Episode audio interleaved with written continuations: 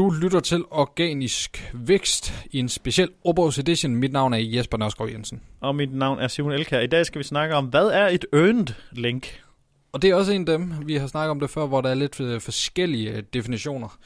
Jeg har set nogen definere et earned link som øh, nærmest det samme som et organisk link. Altså noget, der kommer helt naturligt. Hvis du øh, beder om at få indsat linket, så selvom du har lavet outreach, så er der nogen, der definerer det som ikke værende et earned link. Så er der også dem med den lidt mere bredere definition, hvor at du laver noget indhold, der er så godt, at øh, det fortjener simpelthen et link. Det kan være på din egen side, øh, at du øner et øh, link ved at nogen linker til dig, et organisk link, men det kan også være, hvor du skriver et øh, gæsteblogindlæg, og så øh, som betaling, øh, så får du et, øh, et link.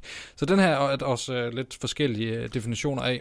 Den definition, vi bruger, det er vel, når der sidder en gatekeeper og giver dig et link, så har du gjort dig fortjent til det. Øh, altså, der sidder en på den anden side og bestemmer, om du får linket. Ja. Øh, fordi at øh, det, det, modsætning, så har du et bygget link, som du selv kan gå ind og lave, men et earned link, der er du ikke herre over, om du får det eller ej. Så uanset om du har øh, byttet for det, eller gjort noget for det, så er det i princippet earned lige så snart, at, at du får noget, altså fordi der sidder en og bestemmer, at du skal have det. Det er i hvert fald, det er i hvert fald den, som vi bruger, ikke? Jo, det er, det er vores, øh, det er vores øh, hvad kan man sige, mest brugte forklaring på earned link. Ja, og de er super øh, attraktive sædvanligvis, fordi at det er links, som øh, alle andre ikke kan gå ind og lave. Det er links, du øh, gør dig fortjent til.